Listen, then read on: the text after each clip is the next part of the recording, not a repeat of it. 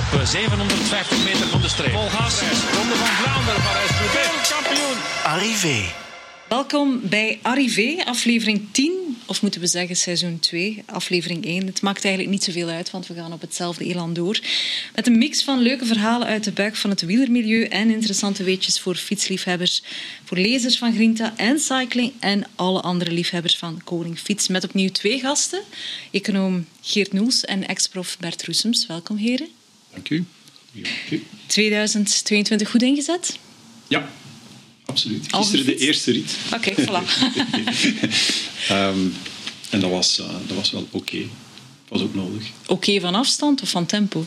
Eh, vier uurtjes gereden en het gevoel dat ik qua van de eh, feestkilo's aan het kwijtgeraken was. Dat is altijd een goed dat heel gevoel. Ik, ik kijk niet speciaal nu naar Bert, maar Dank u. het, doet, het doet wel plezier om terug op de fiets te zitten. En beter dan vandaag. En jij al gewerkt of gefietst? Eh, vooral heel hard gewerkt. Eh, nee, de eerste fietsrit is gepland voor eh, aanstaande zaterdag. Voilà. Ja, en onze... Slecht weer. Ja, maar ik denk de laatste dagen kunnen we niet, eh, niet anders als alleen maar eh, slecht weer. Oh, sorry. Ja, oké. Geert wordt even terecht gewezen omdat hij met een balpen aan het spelen is. Ja. Dus wel Pieter voor de interactie en interventie. Is dat het stressballetje, de stilo altijd in Nee, de nee, hand? dat, of- dat, ehm, stress hebben we hier niet. Hè. Hoe haalt je dat? eh En hier, dat is eh Econopolis, dat is jouw Econopolis, ja. bedrijf, hè? Ja, dat klopt. Mensen zien dat niet, maar we zitten hier allemaal eh, samen eh, met voldoende afstand en met de vensters open, wat misschien maakt dat er nog wat achtergrondgeluid komt in het eh, bedrijf hier, in de versterkte burcht, zoals dat je zelf zei. Ik heb hier wel nog niet zien slepen met kisten vol geld. Dat valt me wel tegen. Nee, het is allemaal digitaal tegenwoordig, maar de kristallen bol heb je wel gezien. Hè? Dus met alle waarheden van dit jaar. eh, ja, wij kunnen, je weet dat, wij kunnen de toekomst voorspellen. Ik heb er eens over geaaid al, over die Ja. Brengt misschien geluk. We gaan straks een eh, paar duizend euro's eh, rijker buiten. eh, hoop ik toch. Frederik Bakeland, de hoofdredacteur van Grinta en Cycling.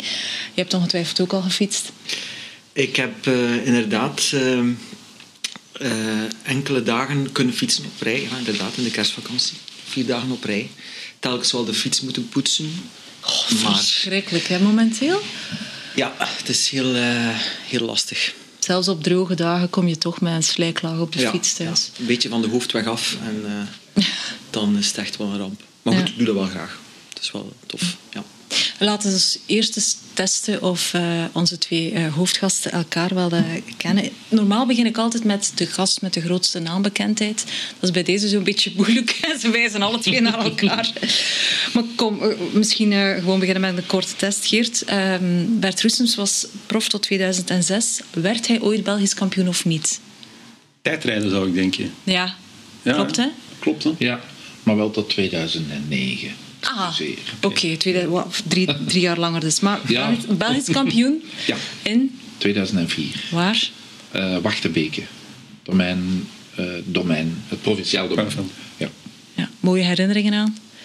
ja, maar ondertussen jammer genoeg al verre herinneringen. Want ja, 2004.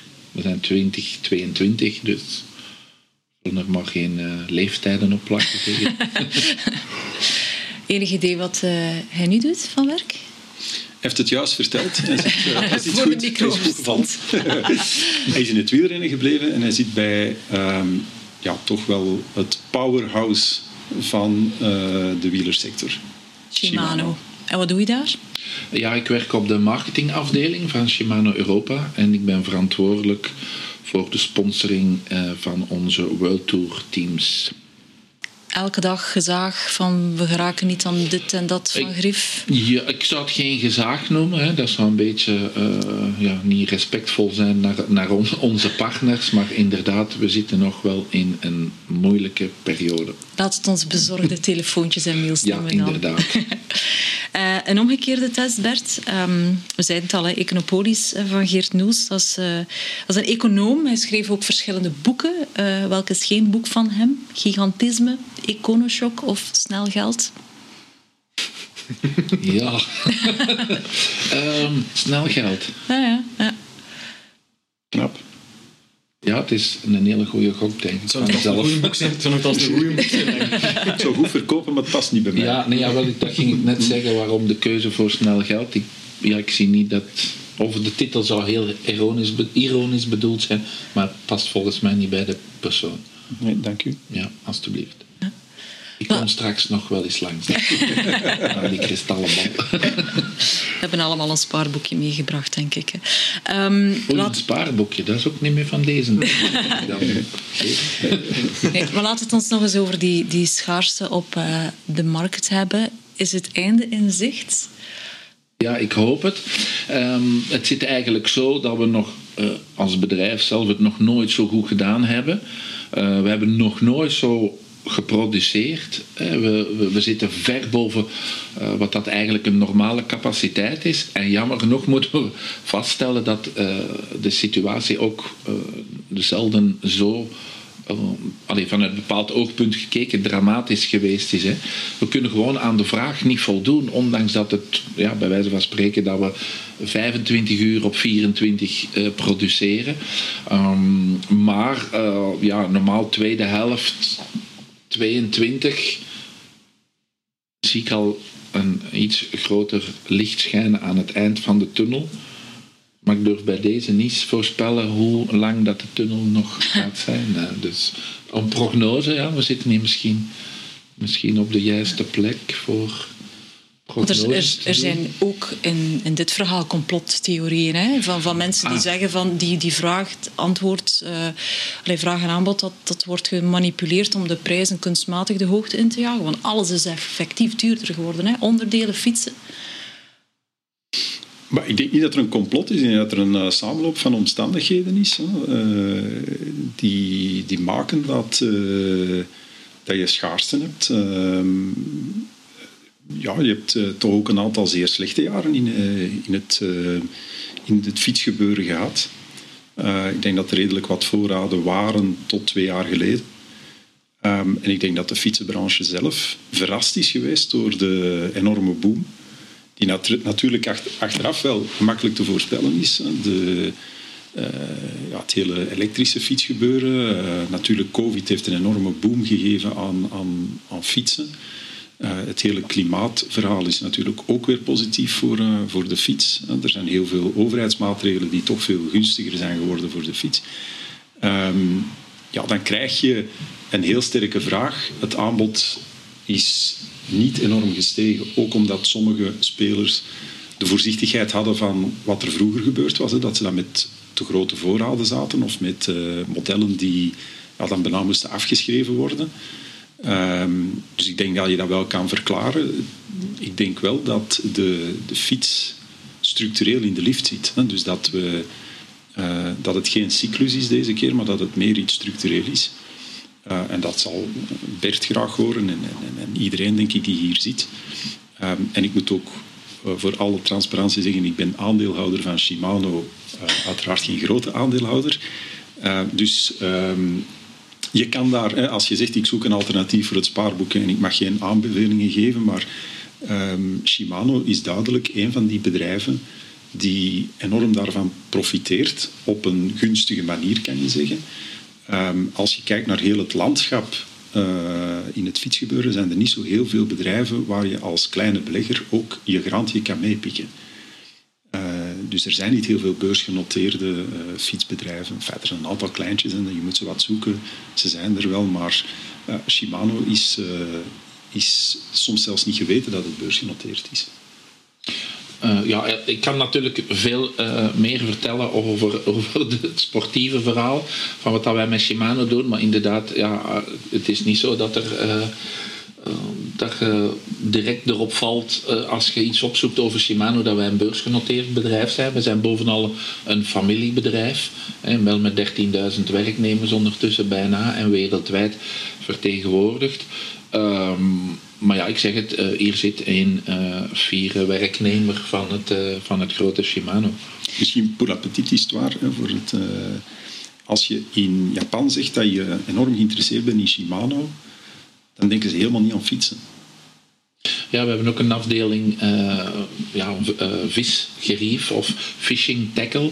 Um, en uiteindelijk zijn we ja, qua omzet is het niet te vergelijken met wat we doen uh, in, in de, de, de, fietsenindustrie.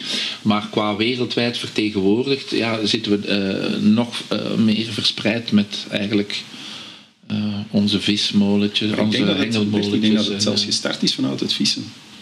En, en... Het is allemaal begonnen, maar dan, eh, ik denk niet dat we daarvoor genoeg tijd hebben. Het is allemaal begonnen in 1921.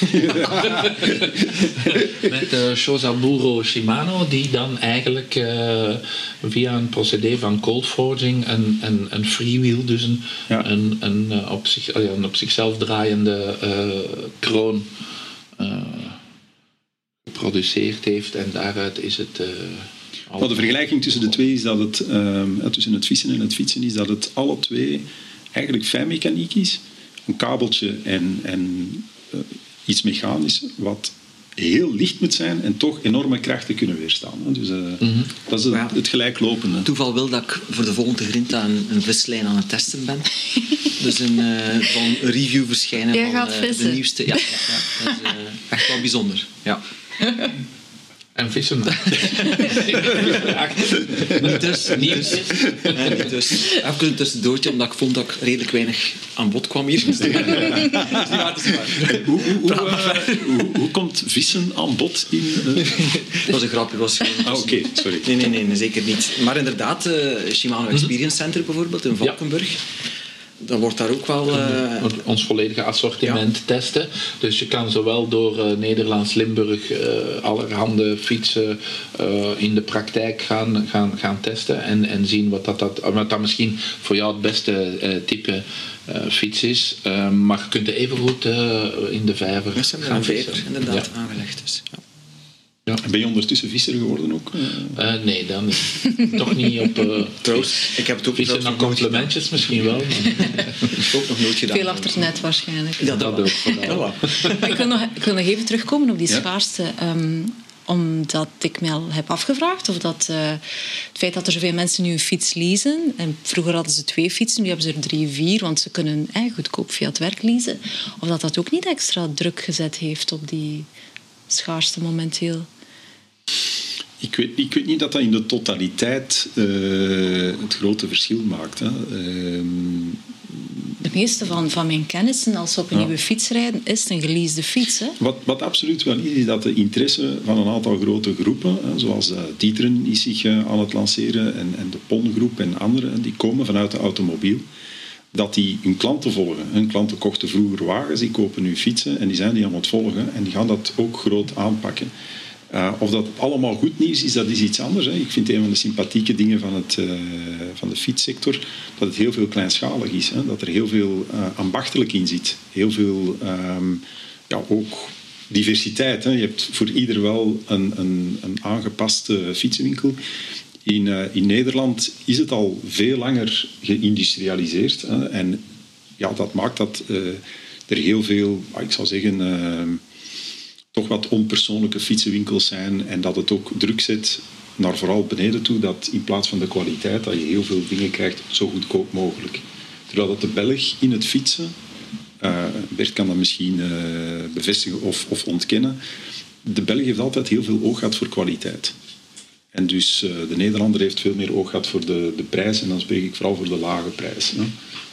Ja, wat dat, wat dat wel zo is, als we kijken naar de lokale markt, is dat we uh, zeker kunnen uh, profiteren hebben van uh, het ontstaan van enerzijds ja, e-bike, dat verhaal, maar ook het feit van ehm, mensen die zich meer bewust zijn van oké, hoe, hoe, verplaats ik mij, hoe ga ik naar mijn werk, waar win ik tijd, waar is het eigenlijk het, het, het, het, het, milieu ook nog, zit, ga ik een paar uur in het verkeer zitten met, met een een vervuilende wagen of ga ik kiezen voor een, een gezonde oplossing die, die dan ook eh, een steentje bijdraagt aan het milieu en waar dat dan voor een aantal mensen natuurlijk ook fiscaal ergens uh, voordeel uh, via de werknemer dan te behalen is. En dan komen we natuurlijk op dat verhaal van, van die leasing of, of die geleasede fietsen, waar dat je daar dan zegt van oké ja, dat is misschien een segment dat daardoor voor vele mensen iets bereikbaarder mhm. geworden is ook. Terwijl dat anders zou, ja, toch altijd sprak van een, een, een budget dat binnen uw, uw, uw, jaarbudget van, van een, een gezin of, of zelfs ja, van iemand uh, die, die alleen is, ja, dat, dat, dat weegt toch. Uh, ja. dat, is toch allee, zijn toch dure aankopen. Absoluut. van vandaag. Ja, als je zegt van de Bel heeft oog voor kwaliteit, mm -hmm. topfietsen van 12.000 euro, ze zijn geen uitzondering meer. Hè? Ik denk niet dat die in de leasingmarkt zitten. Nee, nee. Uh, maar de in feite echt een, een heel goede fiets. Als je dat vergelijkt met een wagen, die toch veel complexer is en, en veel meer materiaal bevat, ja. kan je toch wel soms verrast zijn hoe duur een fiets maar is het nog verantwoord, ja? vind jij? Als je het, het, het blijft natuurlijk fijn mechaniek. Hè. Ja. Um, maar toch, als je het aan vrienden vertelt die totaal niks met fietsen hebben, ze verklaren je half zot. Hè? Het is veel geld in elk geval. Het is veel geld. Uh, je wilt niet dat hem gestolen wordt. Je wilt niet dat hem kapot valt. Uh, sowieso niet. Uh, ja, een, een, onderhoud of onderdelen die moeten vervangen worden. ja, als je dan naar de, naar de, de stukprijs kijkt, ja, dan, dan zeker in, in het hoogste segment. Um, ja, dan spreken we toch al van een hele dure hobby. Hm. En langs de andere kant is dat ook voor vele mensen heel allee, bereikbaar geworden. Ondanks het feit dat we aan de ene kant zeggen het is, het is 11, 12.000 ja. uh, euro. Als ik dan spreek van een high-end racefiets, hè, waar ik ietsje meer uh, dan uh, feeling mee heb. Um, en toch zie je ze Zie ze maar, heel maar dat is wel zo'n sportwagen. Hè. Er zijn mensen die zich, die zich dat kunnen permitteren en, en die doen dat. Ik denk niet dat de gemiddelde fiets 12.000 euro kost. Nee, want, ik heb absoluut nee. geen fiets van 12.000 euro. Ik heb zeer goede fietsen in de garage staan. Tot hoe ver wil jij zelf gaan? 11.900 Ik denk dat Frederik uh, dat ongeveer wel weet. Uh, goh, hoe ver wil ik gaan? Uh, dat is niet zozeer op prijs. Dat zijn afwegingen die je maakt. Hè. ik bedoel de groep, de wielen, ehm, het kader. Uh, ik zou bereid zijn. Met welk budget om... geraak je thuis weg? 300 euro. Ik moet niet op een budget kijken. Het is ook ja, op een zeker moment wat je denkt dat het het waard is. Ik denk dat sommige fietsen geen 12.000 euro waard zijn. Ik denk dat dat ook wel is wat de zot ervoor betaalt en dat men dat probeert uh, eruit te halen.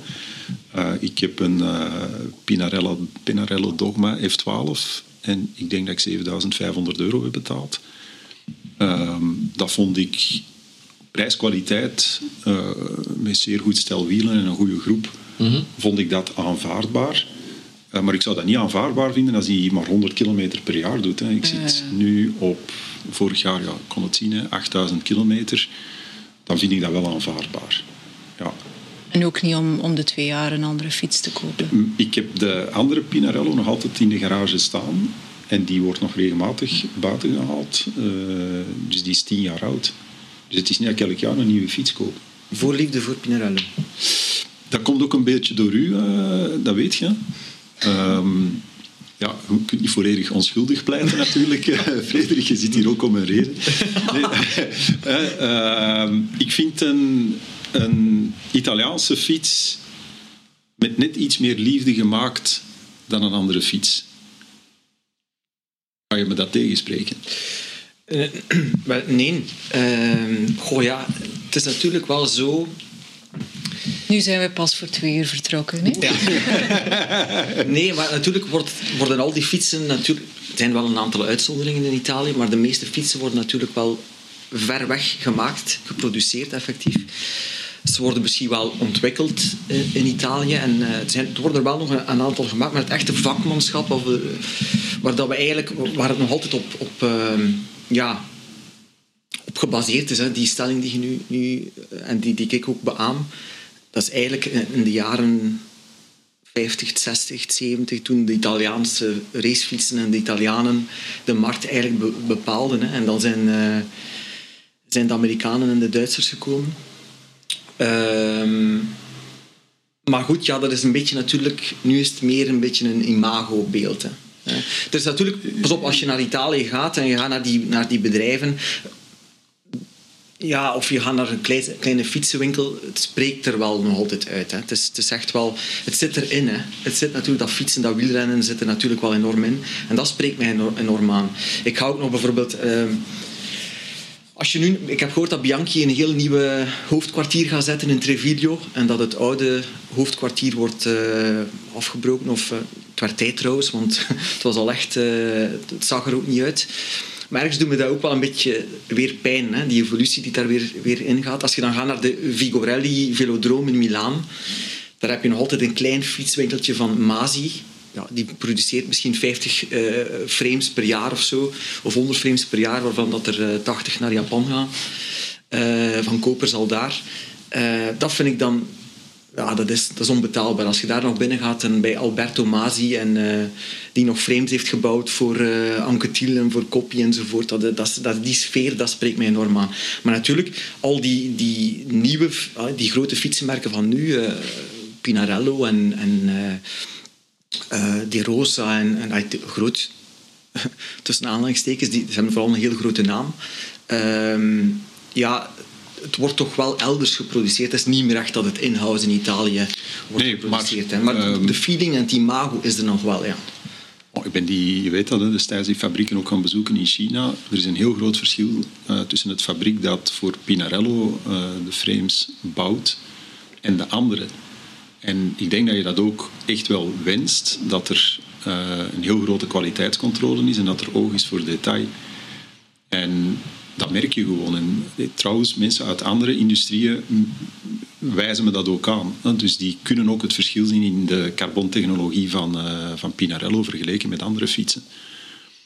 En Ongetwijfeld zal er, zal er een groot verschil Ja, in zijn. natuurlijk. Hoe de- dat, we hebben het ook, we moeten het dan misschien ook hebben over ja, eh, hoe- hoe ontstaat een merk. Hè. Het is niet alleen een merk ontleent zichzelf niet alleen aan de plaats van, van productie. Hè. Er, is, er is de geschiedenis, Ja, er is de ganse heritage.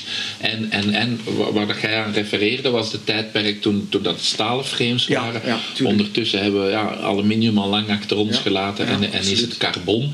En natuurlijk een merk zoals Pinarello, een merk zoals Colnago, ook Massi, dat, dat jij aanhaalt, die, ja, die, die bogen natuurlijk op die jarenlange tra- traditie. Traditie, familie, En die dat zijn allemaal zaken in Italië. En die zijn natuurlijk een bepaald moment ook mee geëvolueerd met Mhm. de richting waar dat de business of, of de industrie eh, zich eh, ja, in, in de richting die, die, die, die zij uitgingen. Om natuurlijk ook nog vandaag er te zijn. Hè. Ja, kijk, bijvoorbeeld een, een, een merkje als Stelbel. Dat is ook een, een stalen fietsen produceert. Misschien zelfs ook een aantal carbon, ik weet het niet zeker. Maar toch voor, vooral stalen frames. Bergamo, eh, Stelio Belletti, framebouwer van vroeger. Dat is nu overgekocht door UK. Mensen uit de UK die hebben dat gekocht. Eh, en proberen daar nu marketinggewijs ook iets uit te puren natuurlijk. Hè. Eh, Maar ik wil toch... allee, ehm, voor mij is als ik een fiets koop niet de prijs bepalend, maar de hoeveelheid liefde die ik zie in het ontwerp. ja, ja, ja. Ik weet dat dat al zo klinkt, Nee, dat- maar nee. ehm, ik zie daar een aantal details dat daar 10, 20 ogen zijn gepasseerd die hebben gezegd dat moet nog iets beter. Maar is dat, ook geen marketingverhaal? Is dat, ook, is dat ook niet het sfeertje dat er rond gecreëerd wordt kunstmatig? Je- misschien is dat een stuk, maar bon, je weet dat ik...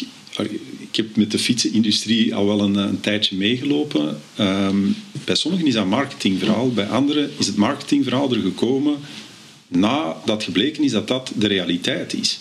En uiteraard dat men dat dan kan gebruiken voor de marketing. Als het uitsluitend een marketingverhaal is, maar het is niet gesteund op enige realiteit, dan zakt dat toch in elkaar. Ik neem het voorbeeld van eh, Shimano, is ook een familiebedrijf. Ehm, de, de kwaliteit van alle groepen bij Shimano, en ik, allee, ik, moet, eh, ik moet geen, het werk niet doen van Bert, hè, maar eh, dat is gewoon zo, is, is, is uitstekend. Het is ook een Japanse traditie. De kwaliteit van productie is gewoon zeer, zeer goed. Of dat je nu de duurste groep koopt of de goedkoopste. Er zit bijna een ering van, de kwaliteit moet gewoon goed zijn in alle, eh, in alle prijscategorieën. En dus ehm, daar hoef je geen marketing dan nog veel rond te doen, omdat dat gewoon de realiteit is. Stel dat je eh, zegt van ja, onze kwaliteit is niet, niet zo goed, we moeten hier een nieuw marketingverhaal maken om dat op te krikken, dan moet je daar enorm veel geld in spenderen, maar dat gaat niet werken. En dus loutere marketingverhalen van fietsen, daar geloof ik niet in. Uh, daar zijn er ook niet te veel die dat dan lang kunnen overleven. De, de, fietsen, eh, de echte fietsliefhebber is kritisch genoeg. Hij zit ook continu op zijn product. Dus die weet wel na een tijd wat goed is en wat niet goed is. Is de racefiets van het jaar uh, verkozen door Grinta en de lezers? Is dat een mooi familiebedrijfproduct met Shimano-onderdelen? Of kunnen we daar nog niet te veel van zeggen? Het is in ieder geval uh, met Shimano afgemonteerd, ja. Maar natuurlijk, de meeste fietsen die, of merken die een fiets insturen voor racefiets van het jaar zijn nu eenmaal heel vaak met Shimano afgemonteerd. Alhoewel, dit jaar waren er heel veel met SRAM ook, om een of andere reden. maar, uh, maar eh, Campagnolo komt altijd op de derde plaats. Dus allez, zeer zelden dat er een fiets met Campagnolo wordt afgemonteerd. Of die, omdat wat jammer is. Wat jammer is natuurlijk, uh, ja. Ik denk dat, dat daar dan een, een stukje... de, ja, misschien een, stuk innovatie hè, en een stuk uh, een aantal kwaliteitsverbeteringen die Shimano heeft, heeft gedaan in het verleden, dat ze dat gemist hebben. Hè. Dus het, het, soms denk je, een Japans bedrijf is zeer conservatief, maar eigenlijk is daar continu ontwikkeling geweest uh, in, in verbetering. Ik denk dat daar Campagnolo, uh, jammer genoeg, hè, want nee, ik wens het aller, allerbeste toe, toch een stukje innovatie, kwaliteitsverbeteringen heeft, heeft gemist. En hopelijk gaan ze dat nu inhalen, want het is een beetje ja, een achterstand die soms moeilijk in te halen is. Het is ook een heel kapitaalintensieve business geworden, ehm, waar schaal belangrijk is, waar dat de verdeling en de snelheid en dergelijke allemaal... En dus het is moeilijk om, om nog terug te komen. Ik denk, vroeger, 30 jaar geleden, werd hoeveel zou het verschil zijn geweest in marktaandeel? Vandaag is dat ongelooflijk. Ja, omdat je ook zegt natuurlijk, het, het wordt allemaal vanuit de industrie uh, grotendeels bepaald. Hè. En, het is ook, uh, en die zaken liggen nu natuurlijk enorm onder druk. Ook, ja, uh, wij zijn vooral in de eerste plaats ook een massaproducent. Um, dus ja, je kunt hoeveel aantallen kunnen leveren tegen wanneer en zo verder en zo verder. En dan heb je natuurlijk de, de merken die dan, de fietsmerken die dan, dan klant bij ons zijn, die plaatsen, die plaatsen dan hun orders. Omdat zij weten natuurlijk ook, uh, het is ook allemaal seizoensgebonden. En je weet dat je op bepaalde momenten je product af moet hebben als fietsenmerk. Je moet weten, ja, dan moeten wij, uh, gaan we de markt in met onze nieuwe modellen. En dan is het niet van, ah, ik ben hier met, met, met een frame en ik heb wel al een zadel en een stuur. En morgen uh, zetten we er nog wat wielen onder en dit en dat. Nee, die fietsen uh, zijn nu volledig. Terwijl dat we vroeger, zeker high-end, een markt hadden à la carte. Um, dat is nu ook allemaal uh, veranderd en dat, dat bepaalt natuurlijk ook grotendeels. Uh, hoeveel van de markt is, is echt high-end? Als je dat zou moeten... Hè, want we spreken er graag over, dat is zoiets dat je zegt, ja, eh, sportwagens, bedoel, is ook maar een heel klein segmentje in de markt. Trekt natuurlijk heel veel aandacht, maar hoeveel... Ja, als je echt zegt een high-end, hoeveel is dat van de fietsenmarkt? Oh ja, nee, dat is, heel, dat is, dat is miniem, dat is, dat is beperkt eigenlijk. Uh, om, om nu een statement te maken, zouden we kunnen zeggen dat alles wat we met high-end verdienen, uh, ja, geven we opnieuw uit uh, aan, aan onze marketing, aan de publiciteit. Uh, High-end is er eigenlijk om, om die, die grote boot te trekken, hè, om, het, om het merk in de markt te zetten. Maar uh, heel plat, het geld wordt verdiend met, op, een andere, op een veel lager niveau. Hè. Ja, dat is toch ook bewust dat de, de racefiets van het jaar, de Grinta dat toch niet in de, de hoogste segmenten gaat zoeken. Hè? Nee, dus er is een, een prijslimiet op, uh, die hebben we wel moeten optrekken. uh, Wat is de prijslimiet, Frederik? Uh, eh, 7000 euro, denk ik, voor de complete fiets. Ja, vorig jaar ook vijf, denk ik. Maar natuurlijk, er zit een, er zit een bepaalde prijs... Allee, in die zin, uh, fietsen die bijvoorbeeld... merken die beslissen om een fiets in te zenden voor, van 3000 euro, krijgen dan wel een puntenvoordeel. Hè. Een bepaald onderdeel van de evaluatie is ook de prijscorrectie die gedaan wordt. Dus die, die krijgen dan extra punten, omdat het net een iets goedkopere fiets is. Dus het hoeft daarom niet de duurste fiets te zijn die races van het jaar wint. En dat is trouwens dit jaar opnieuw niet het geval. Eh, en die wordt binnenkort wel uh, bekendgemaakt. Ik herinner mij dat er vroeger ook af en toe wel leertjes waren met commentaren van zeg, zo'n dure fiets. Ja, het is, natuurlijk, het is natuurlijk altijd wel het geval. We krijgen redelijk vaak de, uh, ja, de reactie binnen of de feedback, feedback binnen dat we heel vaak fietsen reviewen in, in het hogere prijssegment of fietsen tonen in het hogere prijssegment. Natuurlijk, dat geldt voor elk merk die een nieuwe fiets lanceert vaak is dat niet een instapper die ze lanceren. En die ze, wij, ze nodigen ons niet uit op een lancering van een, van een instapfiets mhm. bijvoorbeeld. Ze nodigen ons wel uit op lancering van een opvolger van een Dogma. Zoveel. Dus uh, natuurlijk, wij moeten daarin ook een beetje corrigeren. We proberen daar wel een beetje in te corrigeren door ook voldoende, uh, tussen aanhalingstekens, middenklasse fietsen aan bod te laten komen. Uh, daar moeten we wel op toezien, dat we ons daar niet ja, niet stoten aan, aan, aan die steen eigenlijk. Ja. ik wou nog één ding vragen in verband met, uh, omdat Colnago ook gepasseerd was. Colnago is ook recent uh, overgekocht. Hè. In, in, het is niet meer in Italiaanse handen. Dus ik ben ook benieuwd wat daar dan mee gebeurt hè, met het DNA van zo'n merk. Dus, uh, maar ik verwacht dat dat meer gaat gebeuren. Hè. Dus ik heb u gezegd, de grote, um, een aantal grote industriële groepen hebben het belang van de fiets nu pas ontdekt. Um, en dus ik, ik verwacht dat daar een, uh, een, zekere consolidatie gaat gebeuren, dat men de waarde van een aantal van die merken uh, gaat, uh, ja, gaat inzien. En dus dat bijvoorbeeld vanuit de automobielen, dat er een aantal in die richting gaan evolueren. Um, er is heel veel interesse vanuit de automobiel voor de fiets, hè. dat is lang niet geweest. Uh, en er zijn natuurlijk heel veel uh, synergieën mogelijk. Hè. De verdeling, uh, maar ook een aantal, ja, nu zeker met de elektrische fiets, zijn er een aantal meer industriële componenten die ertoe komen. en je moet ook zeggen dat een heel aantal van die ja, fietsproducenten in slechte papieren zitten, omdat de, ja, de toegevoegde waarde die je kan genereren door het kader is heel beperkt. De, de grootste toegevoegde waarde, ja, zit waarschijnlijk in de groep en die maken, uh, maken maar een zeker paar. Hè, zeker, ja, zeker. zeker een derde. het zit hem allemaal in de onderdelen. Het zit veel in de onderdelen, niet uitsluiten natuurlijk. Shimano hier en onderschat, ik denk ook die podcast. De, de, de, de wielen worden uh, natuurlijk misschien ook onderschat. Ik weet niet wat dat, wat dat, uh, of dat Grinta daar ook de, de, elk jaar een prijs geeft, maar um, daar hecht ik bijvoorbeeld zelf proportioneel misschien nog meer belang aan. Dat is de kwaliteit van het wiel. Um, het is ook voor uw eigen veiligheid niet onbelangrijk om een goed wiel te hebben. Ja, zeker. Ja. Het, draagt bij tot, het, eh, tot uw fietsgenot. Hè. Zeker van het moment dat je een aantal uh, kilometers op jaarbasis doet. Of iemand die, die, die woon-werkverkeer doet en die dag. Je moet er wel op, op je materiaal kunnen, kunnen vertrouwen. Hè. En dan komt de, ja, is het stukje kwaliteit uh, is ja. dan dat heb je toch enorm zien evolueren in de tijd dat je nog koerste bijvoorbeeld. eh, tot nu, allee, toch enorm zien evolueren, ook de wielen enzovoort. En ik weet niet, ja, toen, toen moest je rijden met hetgeen dat je kreeg natuurlijk ook. Ja.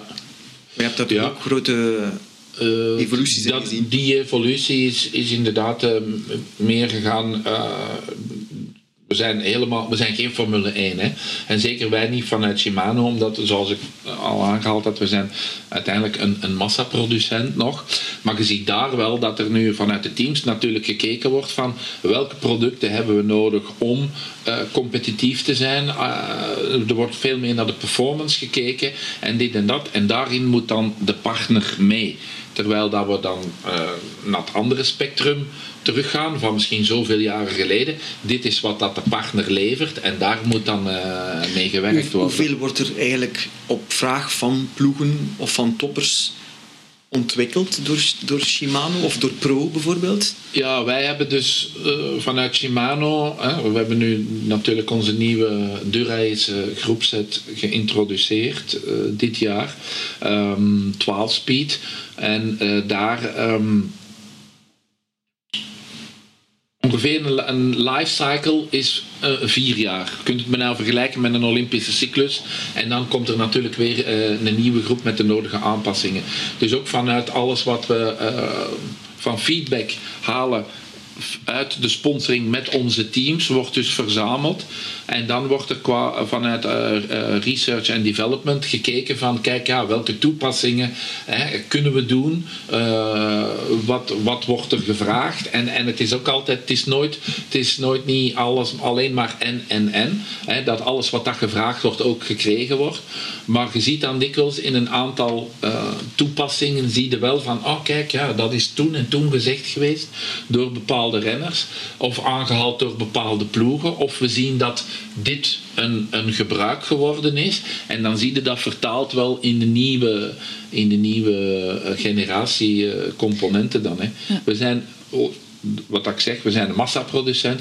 Dus voor ons is het um, niet zo makkelijk om heel, heel kort op de bal te spelen. En zeg jij, uh, morgen wilde jij iets doen en je zegt van kijk, ik heb dat en dat nodig om dat doel te bereiken. Hey, Shimano, het moet zo en zo zijn. En we zijn dan niet twee weken later uh, met dan van, voilà, hier is het al. Maar je gaat wel mee op trainingskampen, heb ik begrepen. Ja, wij bezoeken de, de trainingskampen van onze teams. En waarom is dat dan als je dan toch niet kort op de bal kan spelen? Uh, wel, toch om de vinger aan de pols te houden. Hè, omdat we wel willen net iets meer zijn als iemand die zegt van... Uh, ja, hier, hier is het. Hè, we bellen aan en er staan twaalf pallets met goederen aan de deur en uh, we drinken een kopje koffie en nadien zeggen we en tot volgend jaar in uh, oktober wanneer dat je weer spul nodig hebt om de nieuwe fietsen uh, op te bouwen. En wat doe je dan op zo'n trainingskamp? Ook veel koffie drinken natuurlijk. nee, maar dan hebben we wel gesprekken met uh, de technische mensen. Uh, zowel van de gewone, dus de technieker, de mechanieker, tot dan de, de technische manager. Um, nu is er van, veel, heel veel opvolging uh, voor de, onze nieuwe 12-speed Dura-Ace. Gewoon om ervoor te zorgen dat ook alles blijft goed lopen. omdat zij natuurlijk een, een, een, een het is high-end, maar zij zijn ook een high-end user. Uh, er is niemand die, bij wijze van spreken, buiten misschien aan Frederik, uh, zoveel kilometers doet uh, met dat materiaal. Um, dan heb je die eerste, die, dan heb je altijd ook die eerste feedback van, oké, okay, ja. Um, en onder hoge belasting. Ja, dat ook. Ik kan ook zeggen van... is misschien leuk, maar als hij breekt bij de, ja. op de Koppenberg, dan is dat niet leuk. Ja, gewoon om nu te zeggen, op het niveau waar dat ik nu nog op fiets, ja, het, is het altijd goed, het materiaal. Omdat je natuurlijk niet hetzelfde ervan verlangt dan iemand die 30.000 kilometer op jaarbasis doet, uh, zich in massasprinten mengt, aan 100 per uur de berg naar beneden sjeest en zo van die zaken die, die, die tot gaatje gaat. Um, ja, die halen natuurlijk veel meer uh, uit het, het gevoel materiaal. Dat, moest je het materiaal van vandaag hebben gehad uh, 16 jaar geleden, dat je daar dat was een ander als enige. Stel je dat je als enige zeg maar, een ander soort materiaal. We hebben het over ander soort materiaal. Dan. Hoeveel um, heb je niet gevoel van? Ik zou toch al een pak rapper zijn geweest toen. Ja, maar ja, dan heeft de rest dat ook. Dus, nee, dus nee, uiteindelijk zou dat, dat niet hebben. Hè? ah ja, nee, ja, dan was het natuurlijk... Uh, maar natuurlijk, het blijft nog altijd... Het begint van, van bij de atleet natuurlijk. Hè. Maar dan zie je dan natuurlijk... Uh, het gewicht van de fiets, aerodynamica, dat zijn zaken die uh, zeker de laatste jaren een enorme vlucht uh, genomen hebben. Hè. En op, uh, zeker op vlak van jouw specialisatie van vroeger, hè, tijdrijden? Ja, en vooral ook richting alles wat dat de grote rondes waren. Hè. Voor een eindwinnaar, een eindklassement. Hè, de, de, de, het minimale gewicht dat de racefiets moet hebben, 6,8 kilogram vanuit de UCI, dat iedereen natuurlijk daar naartoe werkt. Dan zie je dat dat dan op een bepaald moment um, weer een uitdaging geeft. Want vroeger hadden we velgremmen. Dan zijn we, is de industrie meer geëvolueerd ook naar uh, schijfremmen voor wegfietsen. Waardoor dat in eerste instantie weer het gewicht van de fiets neiging had om naar omhoog te gaan. Waardoor dat dan teams ook zeiden van ja, maar dat geeft bij ons een probleem. Want wij hebben renner X die gaat voor het podium in de Tour de France. Die weegt zoveel kilo als hij zoveel vermogen trapt. Maar er hangt 500 gram extra nu aan die fiets, ja, dan gaat die. En, en, en de, dus de big data is allemaal veel, veel belangrijker geworden. Hè. Alles wordt nu uh, niet alleen gewogen, ook gewoon gemeten. En ja, dat hadden vroeger natuurlijk niet. Toen ging het om zo hard mogelijk fietsen. Hè. Tot vorig jaar uh, reden ze bij Ineos nog altijd met velgram fietsen. Hè? Ja. De Pinarello's waren nog altijd velgremfietsen, omdat ze natuurlijk een ronde ploeg zijn. Nummer één ronde ploeg. En dat dat gewicht toch ook nog altijd een belangrijke... Tegenwoordig niet meer, hè. Allemaal schijfremmen, hè. alle ploegen, denk ik. Degene die wij eh, sp- eh, sponsoren, die zijn allemaal nu Ja, over op eh, schijfremmen. Omdat natuurlijk, de, voor de ene fabrikant duurt het net iets langer om zijn schijfremframe dan op een bepaald eh, gewichtniveau te hebben. Hè. En natuurlijk speelt dan de componentenleverancier eh, daarin ook natuurlijk zijn rol. Hè. Als wij morgen met een nieuwe groep komen die in één keer ook weer eh, een paar honderd gram zwaarder is, dan creëert dat ook voor iedereen een probleem. Hè. Misschien tijdrit fietsen. Dat daar wel nog met velgremmen... Ja, omdat natuurlijk, of- dat is, ja, en het is ook, ehm, merken kijken ook vanuit, vanuit de markt en een tijdritfiets wordt niet verkocht. Een triathlonfiets wordt wel verkocht. Dus bij de meeste merken is de tijdritfiets die ze dan bij de profs gebruiken eigenlijk een doorontwikkeling van hun eh, consumenten triathlonfiets. Ehm, en daar verandert men ook iets minder snel eh, van model omdat eh, ja, die markt is kleiner.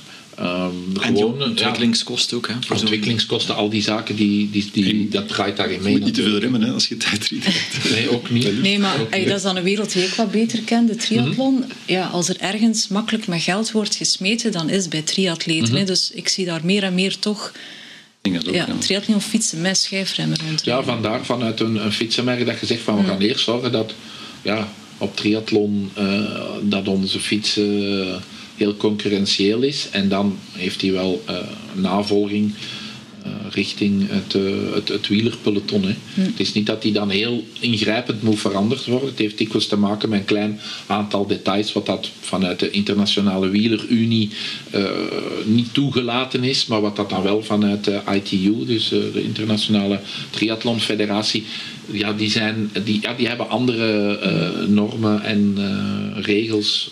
Maar als ik zie hoeveel kilometer dat ik er maar mee doe per jaar, dan ga ik nog wel even rondrijden met mijn velgremmen, denk ik. Mhm. Je hebt ook een, eh, een koers in de zone, Bert. Eh, ja, ja, ja, sinds een aantal jaren. Siebe? Ja, Siebe, ja.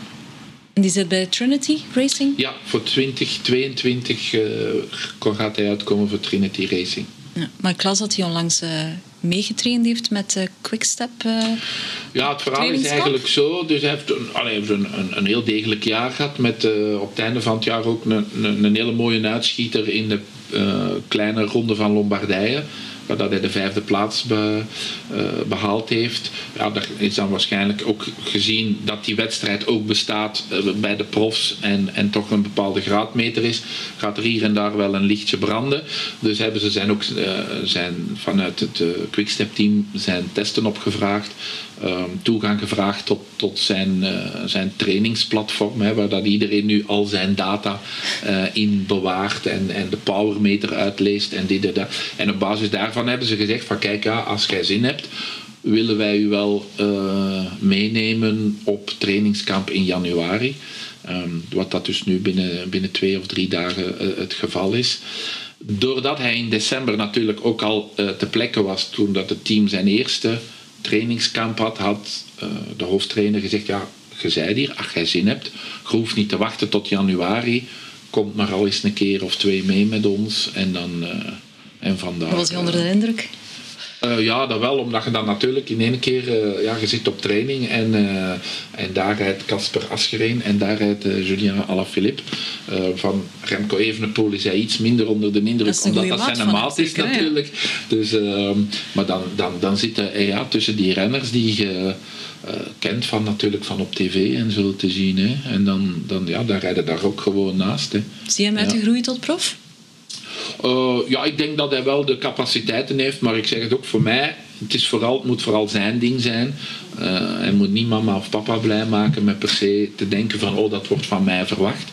Hij moet, hij moet vooral zelf eh, het, alleen het leuk hebben en, en zich amuseren. Hè? Want uiteindelijk is het dan, is het dan topsport met de nodige ehm, opofferingen die je moet getroosten. En die moeten zelf willen doen vanuit allee, een, een, een, een, een intrinsieke drijfveer. En niet eh, omdat men thuis misschien dan verwacht van ja, hè, eh, wat dat een van de ouders niet verwezenlijk heeft, moet dan door het kind maar gepresteerd worden. Ja, ik durf bijna de vraag al niet meer te stellen of dat hij jouw tijdrijdersbloed heeft geërfd. Want dat legt dan misschien te veel druk Ehm, op die jongen ook. weer. Ja, oh nee, maar ik denk, ja, hij is ook eh, een andere morfologie als ik. Als mezelf, eh, sorry. Dus ehm, hij is mindere tijdrijder als ik, maar hij is een betere klimmer. eh, ja. Ik had iets meer, om het dan, eh, allee, zo noem ik het dan, ik had wat meer lompenkracht. Nog extra die hij dan niet heeft, omdat hij natuurlijk, hij is een stuk kleiner en hij is een stuk lichter als ik ooit geweest ben. Zeker nu, dus ja, het is een ander type rennen. En dat is maar goed ook, voor mij moet dat niet... Ja, ik zou het heel triest vinden, moest het een kopie van zijn vader zijn. Och, arme dat manneke. Hoe oud is hij nu? Ehm 20. Ah, ja. Ja. Ja, De jaren van de waarheid komen dan wel stilletjes aan in zicht. Eh, ja, ja, maar ja, het zijn, blijven 20-jarige jongens. Hè. Dus ja, jaren van waarheid. Allee, van waarheid wel. Ik verwar het met jaren van verstand, sorry. Die moeten nog komen. Hoe kijk jij naar het succes van de Belgische tijdrijders tegenwoordig? Want we zijn een, een, een tijdrijdersland aan worden, hè? België?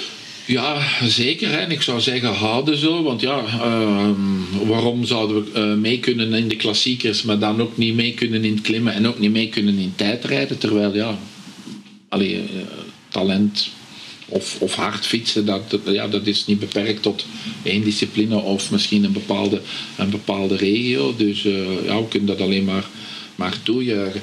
Er is ook natuurlijk de trend van ah, het laatste decennia, waar dat er ook heel veel ehm, vanuit het team of vanuit de teams daarvan de waarde wordt ingeschat. Hè. Meer dan in jouw tijd.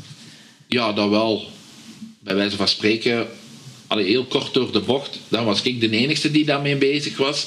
Terwijl dat nu, het ganse team is daarmee bezig. En iedereen wordt eh, goed op de fiets gezet en iedereen wordt gescreend. En er wordt natuurlijk nog wat extra gedaan voor degenen die resultaten daarin kunnen neerzetten. Heb je ooit in een windtunnel gezeten, bijvoorbeeld? Ehm, Ja, dat wel. Toch wel? Dat wel, Ja. ja. Er was toch al redelijk wat professionaliteit Ja, Of dat het- wel. was maar het een winderige tunnel ergens? het was in, eh in Sint-Genesius-Rode, von Karman eh, Instituut. Maar natuurlijk waren ook nog niet zo. allee, ja, nu, nu is dat ook allemaal veel beter en veel meer, iets meer mogelijkheden. Ook toen was dat zo van, ah ja, hè, we, we hebben hier eh, dankzij eh, iemand van de universiteit die daar dan ook wel eh, voor misschien een eigen project wel nut in zag. Dat je zegt, oké, ja, we hebben een halve dag op daar naartoe. Terwijl dat het nu Het was meer in functie van hen dan in functie van jou dan misschien. Ja, het, het, het doel was dan meer er tweeledig. Ja. Hè? Of het nut was, was voor beide partijen, ieder al naar het zijne uit. Terwijl dat er nu gewoon heel bewust wordt gezegd van kijk, dan en dan en dan gaan we naar de, naar de windtunnel om specifiek dat en dat en dat te testen. Hm. Eh, maar ik denk dat het ook vooral veel eh, belangrijker nog is voor gewoon materiaal en, en kleding en dit en dat eh, te testen. Want een keer op een bepaald niveau ja, heb je Allee, je hoeft geen 17 keer naar de windtunnel te gaan voor altijd weer die positie. Nee, maar is jij, ook doet, jij belastend doet dat voor de graag, renners, hè, zo'n test in de windtunnel. Je hebt, je hebt aan. doen. Ik heb het één keer, ik heb het één keer gedaan. Hè. Ik maar één dat keer was toch interessant? Dat was zeer interessant, ja, absoluut. Ja. Ja, ik ben blij dat ik niet moest trappen, mocht gewoon stil, Mhm. stilzitten. Dat was wel voldoende. Nee, het was echt leuk om te zien. eh, we vertrokken eigenlijk from scratch. Hè, dus een beetje de basisopstelling van wegfiets. Mhm. En dan geëvolueerd naar de snelst mogelijke tijdritpositie. Om dan te zien waar al die wattagewinst in zit. Voor het aerosokken bijvoorbeeld. Daar zat toch wel 5 watt verschil op. Mhm. In dezelfde positie. Dus met hetzelfde materiaal, gewoon de aerosok. Dus 5 watt, dat is toch wel, allee, dat is toch wel een, een eye-opener. Er zullen toch nog wel wat meer gains zijn geweest in andere dingen. ik natuurlijk, maar dat was een van de was opvallende dingen van- eh, Oh, dat is, kan De houding vooral zeker. houding. Ja, de houding is houding is naar- schouders. Het frontaal eh, oppervlak Ja. natuurlijk, als je dat beperkt, eh, is natuurlijk eh, een, een van de belangrijkste natuurlijk. Ja. En alles werkt daarin mee. Hè. Eh, de fiets uiteraard ook, maar eh, houding is uiteraard cruciaal. En vandaar ook die core stability en die lenigheid Ja. en dergelijke, die ik veel te weinig doe. En die je gaat moeten doen, want je hebt tijdrit ambities Ja, ja van ik zou jaar. graag eh, iets meer tijdritten rijden. eh. Maar het niet, niet evident geweest, want er, zijn heel wat, eh, er is een tijdje geweest, enkele jaren terug, dat er meer werden nog georganiseerd. Beetje jammer dat dat eh, is, is weggevallen. uh, amateurtijdritjes dan bij ons. Uh, het is natuurlijk ook een hele rondslomp. En om dat allemaal te organiseren, uiteraard vooral die, die, die mensen die dat willen organiseren, begrijp dat ook wel. En zijn er ook meer een ploegverband, denk ik, dan individueel, toch? Hè? Ja, er zijn ook wel uh, koppeltijdritten en, en, en uh, ploegentijdritjes hebben we ook al eens uh, een paar keer gedaan. En dat is toch wel tof. Ja, echt wel tof. En ik, ik vind tijdrijden... ja, zo vanuit je eigen kokonnetje, zo naar niemand moeten kijken, niet opgejaagd worden door anderen. gewoon, je jaagt ja. gewoon jezelf op. Gaan met de banaan.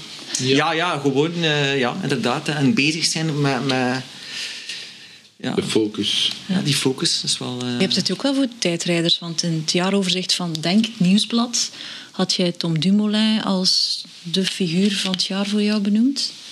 Ik weet niet vanuit het, of het niet vanuit zoiets, de tijdrijder, ja. maar ik vind um, um, wat Tom Dumoulin gedaan heeft vorig jaar uh, uitzonderlijk. Hè? Dus, um, op mentaal vlak dan? Oei, wel, mijn papieren. Om, om eigenlijk eerst zeg de liefde voor de fiets is, is, is een stukje weg.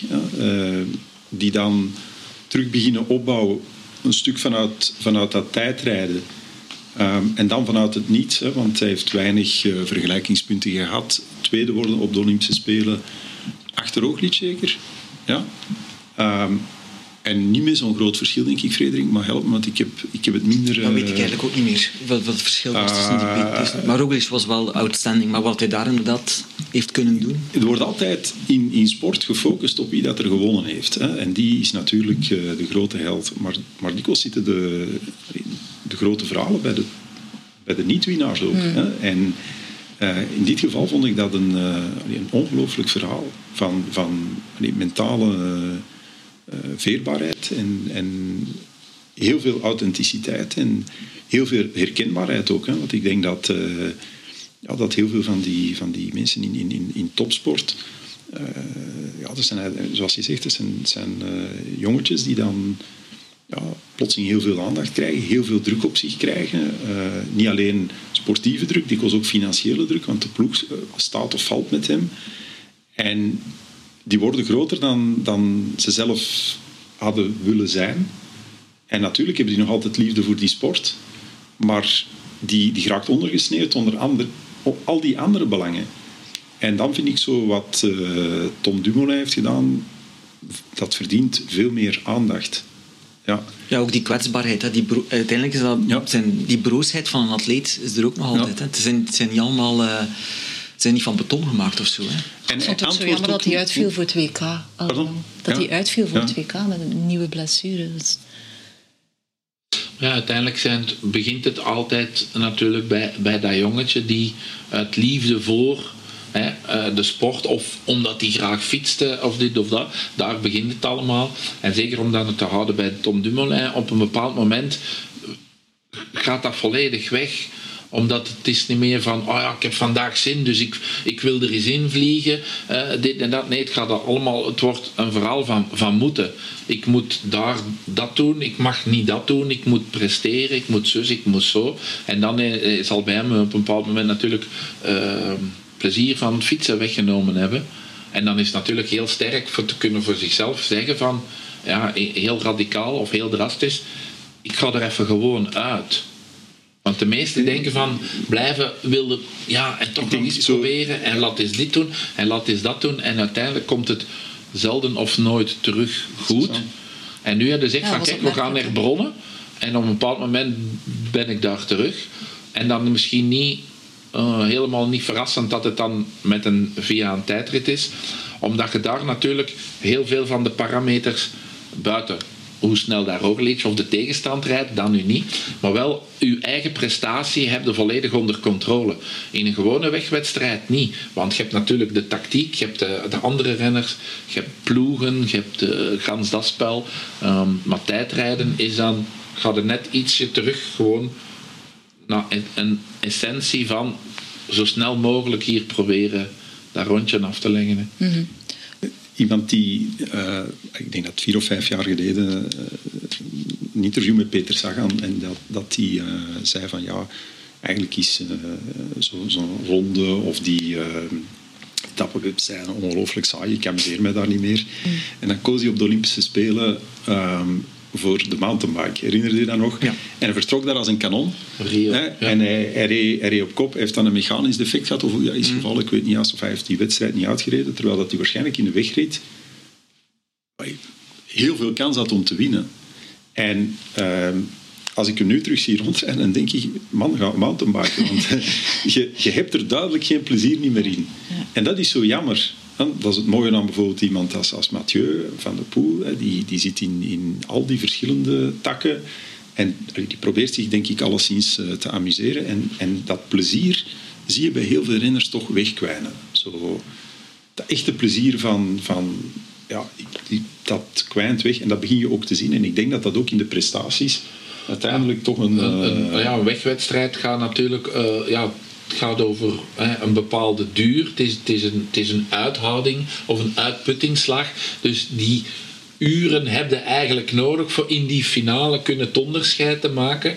Maar inderdaad, een type zoals eh, Peter Sagan en type zoals Mathieu, die zeggen van, "Goh, hoe saai is dat hier? Ik zit hier en er gebeurt niks. Ja, dan krijg ik Ja. ook het eigenlijk... Van der Poel begint er dan maar aan van. natuurlijk. Dus, Op ja, 50 kilometer van de 180 wij kilometer. als, eh, als wielerliefhebber kunnen dat dan alleen maar appreciëren. Want dan zeggen we, goh, ja, niemand verwacht tegen alle eh, misschien tactische raadgevingen in. Hop, eh, we gooien de knuppel in het hoenderhok en eh, we, ja, we gooien het, of we trekken de wedstrijd open. Hè. En daar kunnen wij dan alleen maar eh, ja, ja. van Over- genieten natuurlijk. Over plezier in, eh, in het fietsen gesproken. Hoe bekijk jij als ex-lotto-renner naar wat er allemaal gebeurd is binnen de huidige lottoploeg? Want daar lijkt er ook niet veel plezier meer aan Ik te heb beleven. natuurlijk de jaren dat ik er was, eh beginnend in 2004 tot en met 2008, ehm, heb ik ook natuurlijk met eh, het, eh, een groot deel van het management, maar niet van het nieuwe management, maar samengewerkt. Dus ja, dat is voor mij dan, dan bekend. Ehm, hoe dat het eigenlijk de laatste jaren was, ja, was verder van mijn bed, om het zo te zeggen. Maar ja, natuurlijk, wat heb je dat je op een bepaald moment, ja, je moet, er moet iets gebeuren, er moet iets veranderen, je moet vooruit. En dan is het misschien ook een manier om eh, hier weer... eh, Begrijp ja, jij dat kader aan de deur is gezet? Hoor ik dat nu tussen de lijnen? Eh, ja, ergens eigenlijk wel. In de zin van, je kunt misschien ook vergelijken met eh, de carrière van een renner. Op een bepaald moment heb je ook het beste van jezelf gegeven. En dan gaat er ook degene die jaren kopman was, zie je dat hij ook afglijdt misschien naar een, een, een, een, een minder niveau. Of hij kan het niet meer brengen of niet meer waarmaken. En dan moet je natuurlijk ook, eh, ja, dan krijg je de rekening gepresenteerd uiteindelijk. Hè. Net zoals dat de renners moeten presteren, moet, wordt waarschijnlijk ook het management afgerekend op eh, de resultaten en, eh, en de uitstraling en het ganse eh, imago van zo'n team. Hè. Verwacht je er dit jaar meer van dan vorig jaar dan? of dat ik er zelf meer van verwacht, weet ik niet. Maar het zal meer moeten zijn natuurlijk. Want anders gaan zij iets sneller misschien de rekening gepresenteerd krijgen dan, dan hun voorgangers. Hè. Je zegt zelf van ja, ik ben daar niet meer zo heel hard bij betrokken. Bij de ploeg Lotto dan? Ja. Ja, omdat vanuit mijn huidige functie.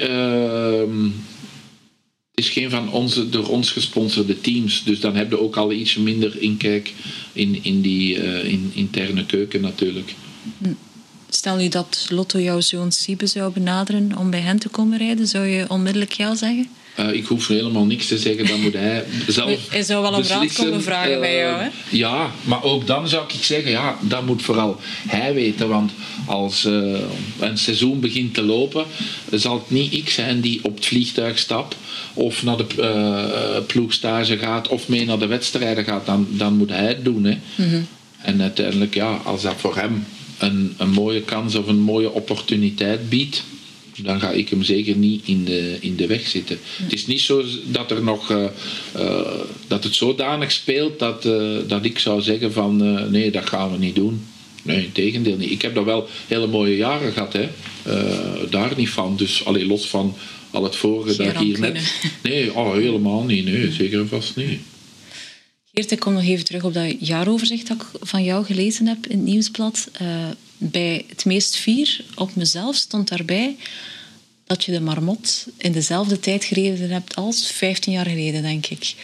Of 16 jaar geleden. Of 16 jaar geleden. Want 15 jaar geleden was ik een uur sneller. Oké, ik kies oei. mijn vergelijkingspunt goed uit. ja. Ja, maar ik dacht, er ging iets staan van ik heb dat bedrijf uit de, van de sloop gered of dit of dat. Nee, het ging echt eh, sportieve prestaties staan bij jou hoog. Natuurlijk, eh, je kan maar een sportieve prestatie zetten als de rest ook goed zit. Hè. En, ik vond dat eh, het, het toewerken naar een, een sportieve prestatie is bijna leuker dan de, de, prestatie zelf. Dus het, eh, eh, vanaf eh, midden juli tot aan eind augustus het plezier terugvinden van de fiets. Heel veel trainingen gedaan in de bergen. In de maand augustus bijna 2000 kilometer gereden, waarvan een stuk in de Ardennen, allee, het grootste stuk daar in die getroffen streek. Ehm, dat was bijna, eh, hoe zou je kunnen zeggen, therapeutisch. Dat je eh, tijd neemt terug om je lichaam op te bouwen. Maar ondertussen ben je heel veel dingen aan het, aan het overdenken. Ehm, je hebt tijd voor je. Je vertrekt voor zes uur te trainen. Ehm, dat is tijd dat mensen dikwijls niet meer hebben. Hoeveel mensen zitten er al eens zes uur niet meer op hun telefoon? De, de, de uur dat ik op een fiets zit, heb ik een enorme excuus om te zeggen, ik kon niet antwoorden. Ik Je was bent ook niet trainen. bereikbaar? Ik ben niet bereikbaar. Zelfs niet voor de beste Wel, klanten met de dikste portefeuilles? Nee, eh, voor, wel voor mijn familie. Hè. Dus eh, als ze twee keer bellen eh, achter elkaar, dan weet ik dat er iets is. Ehm, maar eh, ik vind dat ongelooflijk louterend dat je ehm, die tijd kan terug vrijmaken voor jezelf. En ook dat je onmiddellijk resultaat ziet. Omdat ik was in augustus 8 kilo kwijtgeraakt en, ik, en, en waarschijnlijk 2, veel. 3 kilo spieren bijgekregen. Dus dat is 11, 10, 11 kilo lichamelijke verandering op een maand en een half.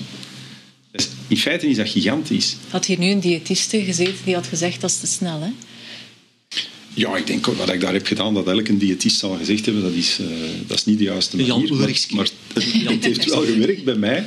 En eh, oké, prestatie zelf had, had veel beter ge- gemoeten, gezien de, de voorbereidingen. Waarschijnlijk ook wel wat eh, vermoeidheid. En, en Het was nogthans wind mee hè, die dag. het was, nee, het was, eh, het was wel heel slecht weer. En alleen maar En het was alleen bergaf. Eh maar ik heb daar ongelooflijk van genoten. Ja, ik heb daar ongelooflijk van genoten. Dat was, eh, de meeste mensen zullen zeggen, ja, op een jaar moet je toch andere dingen. Het is misschien ook heel egoïstisch om te zeggen dat en niet iets anders. Eh, maar er komt heel veel bij kijken. En ik denk dat het voor de mensen die luisteren toch ook wel heel herkenbaar is. Eh, mij er, is een, er is een fase waarin dat er niks beloning is. De eerste twee, drie weken is er gewoon geen verbetering. En dan kom je ergens op een punt dat plotseling die verbeteringen beginnen een kettingreactie te veroorzaken. En ook heel veel motivatie geven om nog in de laatste twee, drie weken nog eens weer iets extra te doen. En heel die flow vind ik geweldig. Ja, ik vind dat, ik vind dat geweldig. En dus ik, ja, ik, ben, ik ben niet meer de jongste. Eh, maar het terug hervinden van die, ja, van die, eh, ik zal zeggen, die kettingreactie en dan uiteindelijk een goed afgetraind lichaam te hebben, eh, is fantastisch. Natuurlijk, het is een moment en dan daarna begint het werk terug en dan is de, de COVID gelift. En dan was het voor ons toch wel redelijk hellish hè, qua drukte. Eh, maar Probeer je dat- toch elke week een moment te vinden voor jezelf dan op de ja, fiets? de ambitie is om eh, tien uur eh, te sporten per week. Dat hoeft niet allemaal fietsen te zijn. Ik bekijk dat vrij breed. Natuurlijk, ik hoop altijd van wel een 7 à 10 uur te fietsen, maar dat, dat, dat lukt niet. Ik moet zeggen, de motivatie om op de rollen te rijden is ook moeilijk. Ik, ik weet dat heel veel mensen op Zwift zitten en op, op al dat soort zaken. Dat, is moeilijk. Ja, ik, denk dat het heel veel eh, effect heeft. Hè. Persoonlijk geloof ik enorm. Ik zie de mensen die het doen, het heeft een enorm effect. En het is redelijk interactief. Bert. Allee, het, is, Ja, ja, tuurlijk. het heeft wel iets. En allee, het is allemaal veel beter dan vroeger gewoon op de rollen te rijden. Maar zelfs met slecht weer, niks klopt. Het gevoel om buiten te zijn, om ook heel die... Ja, iedereen die fietst weet dat. eh, de eerste tien minuten zijn vervelend. Vanaf dan heb je het warm, dan mag er een stortbui komen. Eigenlijk blijf je gewoon doorgaan.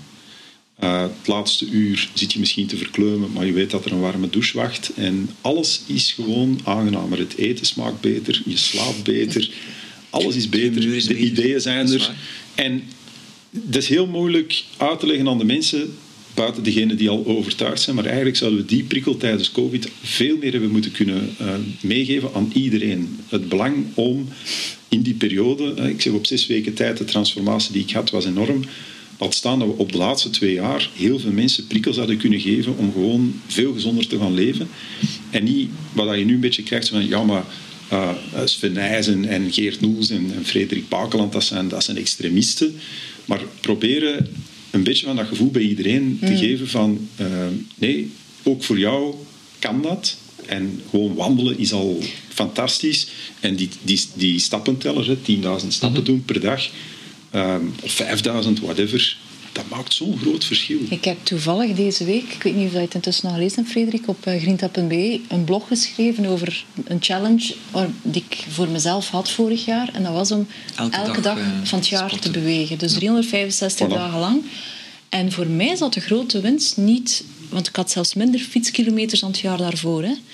Maar elke dag zeker op de drukke dagen, daar zat de grote winst. Een, een stukje te gaan wandelen of wat core stability. En dat lukte. Ik heb heel veel positieve reacties trouwens via Grinta gehad al van, van lezers. Uh, sommige mensen vragen van hoe doe je dat? Hè? Maar ja, als je tijd vindt om nog een half uur televisie te kijken s'avonds, dan heb je ook tijd om nog een half uur een wandelingsje te gaan maken. Zo simpel is het. Maar het heeft met de mindset te maken. Hè. Je moet er ook niet naar, naar, uh, naar kijken als zijnde... Ah ja, ik moet dit nu doen vandaag. Als je zegt van, ik mag dit doen. Mm -hmm. uh, en je, je, ah ja, je bent er dan van overtuigd. Oké, okay, het is voor mijn gezondheid. Ik vind het ook gewoon leuk. En... Um, aansluitend met wat dat Geert ook allemaal zei, van het gevoel hebben van, ah, ik heb iets gedaan vandaag voor mezelf, voor mijn gezondheid, zowel mentaal als fysiek, ja, dat geeft heel voldoening.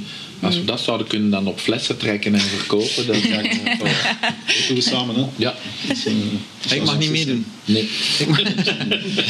ja, als beslissen. maar het helpt natuurlijk als je het met twee kan doen, of met drie. Uh, uh, ik denk dat dat ook...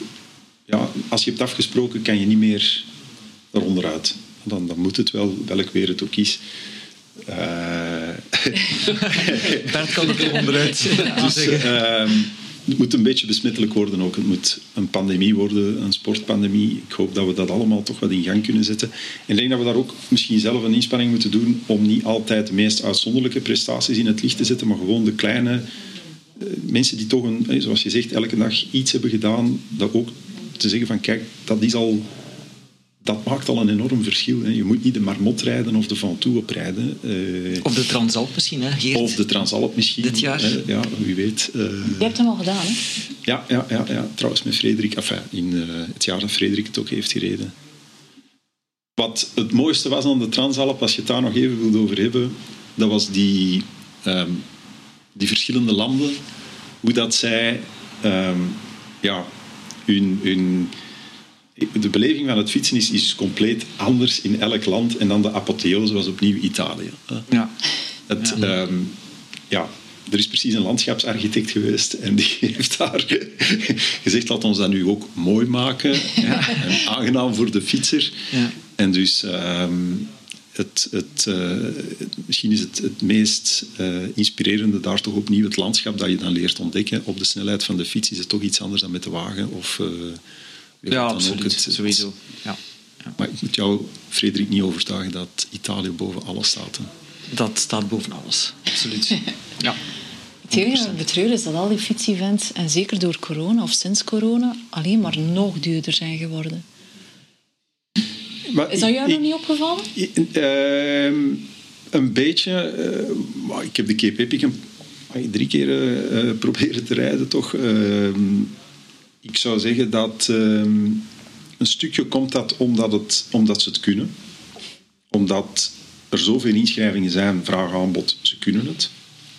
Dus uh, ze weten dat ze die prijzen kunnen verhogen. Twee, mensen hechten veel meer belang aan beleving dan het materieel kopen van zaken. En dus ze zijn ook bereid om dat te doen, omdat sommige dingen gewoon uniek zijn. Uh, de kosten, drie, de kosten van dat te organiseren zijn enorm toegenomen. Vroeger kon je een, een ritje maken en je moest alleen je eigen kosten dragen. Nu komt de veiligheid erbij kijken. Mensen zijn ook veel eisender geworden. Hè. De, de hele bevoorrading is, is pakken professioneler geworden dan vroeger. Ehm, ja, en, en tenslotte de organisatoren, ook daar is een zekere ja, professionalisering gebeurd. Je zou kunnen zeggen, de, ja, ook een, een, beetje toch een consolidatie. Het voordeel is dat het veel beter georganiseerd is. Het, het nadeel als je wilt is dat het duurder wordt en het is aan jou om te beslissen wat dat de balans is. Je kan nog altijd de zaken op jezelf doen. Uh, ik denk dat... Ik, ik heb de Marbot B gereden. Uh, de beleving om dat te doen op een dag dat het georganiseerd is, is toch vele malen hoger dan dat je het ja. zelf moet doen. Uh, je, je, je beseft het maar als je het zelf doet dat er toch een aantal zaken dan in ontbreken die maken dat en naar veiligheid toe, naar bevoorrading toe en dergelijke meer, maar ook naar ja, andere mensen die het meedoen met jou en een referentiepunt. Het is die dag, hè. het is die dag. Uh, het is niet op een andere dag. Ja, dat is een keuze die je maakt. Je zal zeggen, het is veel duurder geworden. Uh, vergeleken met het minste dat je doet in het leven, valt het nog altijd mee. Hè. Uh, uh, de minste gas, gasboete die je vandaag krijgt, is uh, de prijs van een inschrijving. Dus ik heb op korte tijd er nu twee gehad, omdat ik een wijk doorreed waar ik, waar ik blijkbaar niet meer mocht komen en waar dat nu slimme camera's staan. Daar heb ik veel meer pijn van dan uh, een inschrijving voor een, een sportwedstrijd. Ja, maar een sportwedstrijd, allee, snap ik dat, dat die zaken, als dat dan een verkeersvrij parcours is.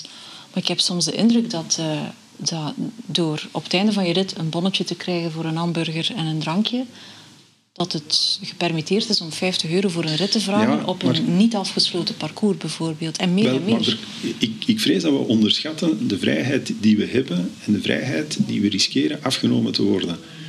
Um, Zo'n georganiseerde trip heeft een, een goedkeuring nodig van alle gemeentes. Veel gemeentes zien de fietsers niet meer graag komen. Er gaat een tijd komen dat we dat alleen nog maar kunnen doen op een circuit. Dat is mijn grote vrees. Mm -hmm.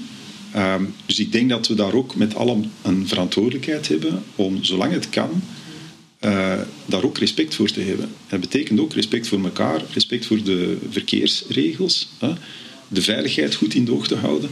Want dit is vrij uniek. Ik heb een, een kaartje gemaakt op Strava van alle uh, plaatsen waar ik in de afgelopen tien jaar heb gefietst. En ik kan dat nu zo doen met een heatmap. En ik kan u zeggen, Vlaanderen is wellicht de meest vrije plek om deze sport te kunnen uitoefenen ter wereld. Er zijn plekken in de wereld waar je dit gewoon niet kan doen. En dan spreek ik niet over Afrika, waar ik ook ben geweest ben, maar Australië, de Verenigde Staten, uh, Canada, daar moet je niet met je fiets zomaar beginnen 120 kilometer te gaan trainen. Dat lukt gewoon niet. Daar is het ook. Ofwel doe je dat met een groep en, en auto's voor en achter, ofwel niet. Uh, in de Verenigde Staten een aantal keren met de, met de mountainbike gaan trainen, dat iemand met een, uh, een jeep en een geweer mij tegenhoudt. Dus wat wij evident vinden hier, is niet evident in alle landen. Dus allee, laat ons dat koesteren. En het is een kost, maar ik ben bereid die te nemen om alles wat we daarvoor krijgen nog op dit moment te kunnen, te kunnen daarvan van genieten. Ja. Mm -hmm. Maar alles globaliseert als je het ook gaat bekijken naar professionele wedstrijden dan. De, de kleintjes die op eigen benen nog staan, een E3 bijvoorbeeld, die, ja, die verminderen. Hè. Alles wordt opgeslorpt ook door de grote. Ja, aan de Is ene kant, uh, ik, ik, ik vind dat jammer, want die, die, er zit heel veel uh, liefde voor de sport in die, in die kleinere organisaties. Aan de andere kant uh, is het dikwijls ook de regelgeving die, die dat bijna dwingt. En zeker die COVID heeft daar natuurlijk niet in, in geholpen. Um, het, um, ja, ik heb als econoom daar geen oplossing voor, buiten het feit dat in die end ook de supporters een enorm verschil maken. En dus um, als je iets sympathiek vindt, laat het dan ook blijken. Uh, betaal een toegangsticket of als je kan, sponsor het mee of toon dat je, het, uh, dat je het koestert. Anders zal het inderdaad ook, ja, dan zal het ook alleen maar een aantal grote groepen zijn die het organiseren. En die het dan ook afsluiten. Hè. Dus uh, dat zie je ook. Hè. De, hoe noem je dat? De circuitisering van uh, de wielerwedstrijden. Hè. Dus De om maximaal de VIP-tenten VIP-tenten en dergelijke te kunnen doen. Ik ben, uh, mensen weten dat, hè. ik ben daar geen, geen fan van. Hè. Ik ben geen fan van de VIP-tenten. Mensen die horen zeggen, kom je daar dan niet? Ik, ik, ik kom, denk ik, niet in... Uh, ik ben er in de afgelopen tien jaar op zo'n dingen... Uh, misschien één keer geweest en dan nog misschien zelfs niet heel de wedstrijd heb uitgekeken, omdat het niet is wat ik graag doe. Ik zit liever zelf op de fiets dan daar te... ja, het is niet mijn biotoop. Maar stevenen we af op een toekomst waarbij alleen nog Flanders Classics, Colazzo en dan het BK de partners zijn die wedstrijden organiseren in, in België? Er zal altijd wel een aantal kleintjes zijn, maar het is een, een, ja, bijna logica die je ziet, omdat ook renners willen beter betaald worden. Uh, men wil de veiligheid garanderen.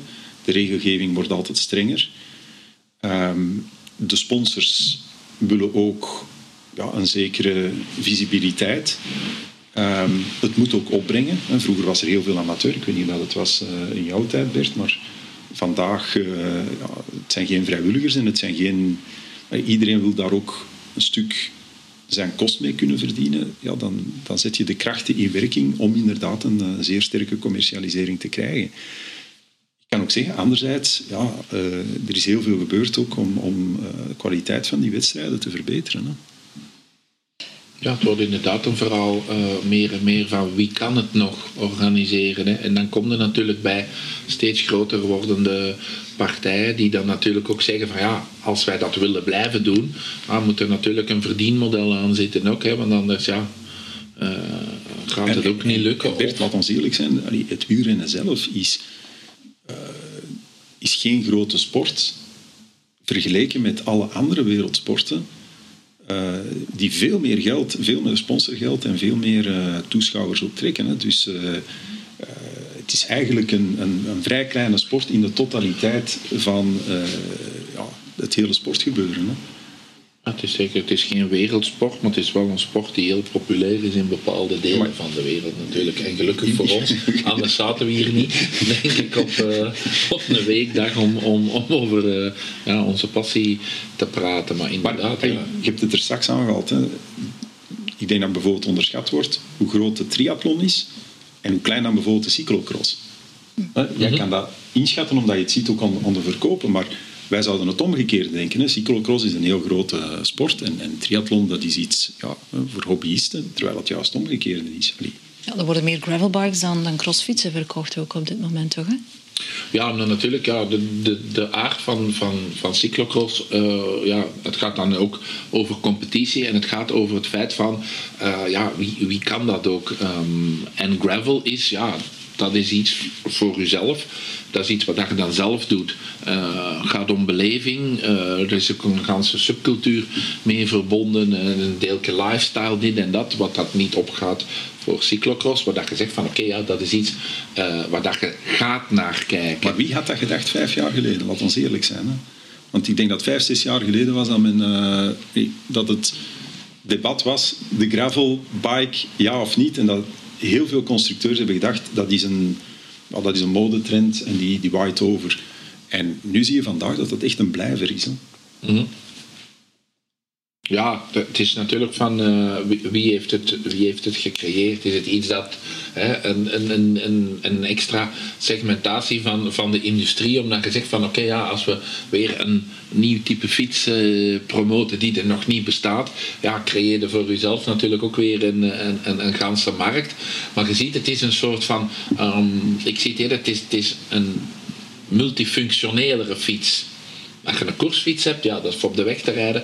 Je hebt een mountainbike, oké, en, en de gravel zit daartussen. Je kunt er een beetje van alles mee. En dan je zegt van, oké, ja, ik heb dan misschien maar... Als ik maar één fiets zou mogen kopen nu, dan zeg ja, dan koop ik een gravel. Waarom? Ja, dan kan ik iets meer uh, mee doen. Ik kan wat rood en ik kan wat off-road.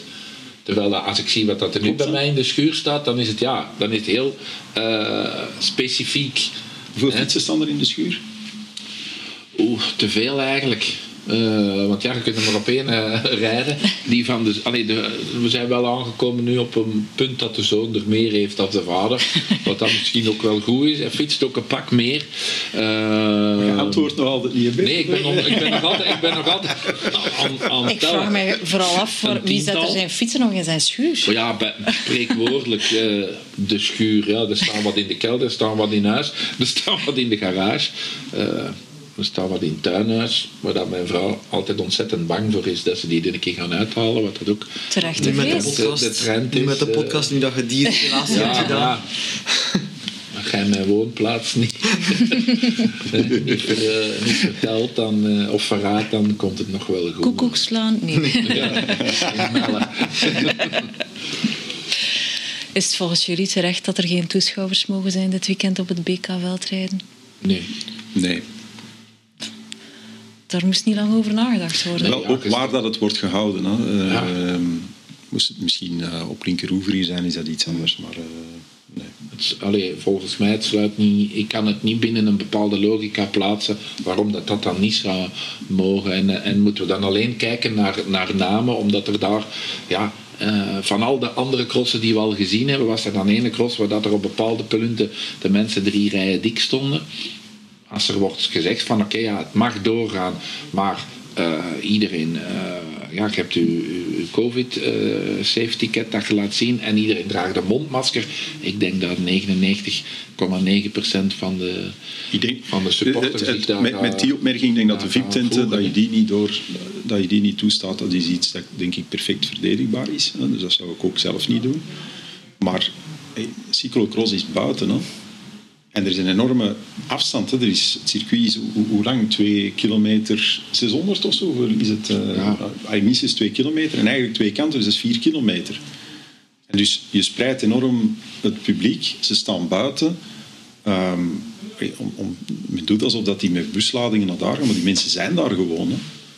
Ik eh, de- anders wandelen op de dijk. Maar oké, allee, men wil een lijn trekken, want, eh, maar het, het, het is een beetje dogmatisch. Is het ook slecht nieuws voor iedereen die voor volgend seizoen dan eh, nu rond moet gaan voor sponsoring voor evenementen? Want het leek eerst alsof we er van de winter vanaf gingen zijn van, van COVID, maar dat zal waarschijnlijk nog een paar seizoenen meegaan, toch? Hè? Ook voor sportwedstrijden. Ja, ik, ik, ik, heb, ik had deze middag een interview, een dubbel interview met Erika Vliegen voor de zondag. Eh, ik ben zelf wat optimistischer. Hè. Dus ik denk dat, eh, om twee redenen. Eén, Omicron denk ik is een, een typische fase in zo'n pandemie. Dat eigenlijk ja, de pandemie wat begint uit te doven door zijn, zijn eigen transformatie.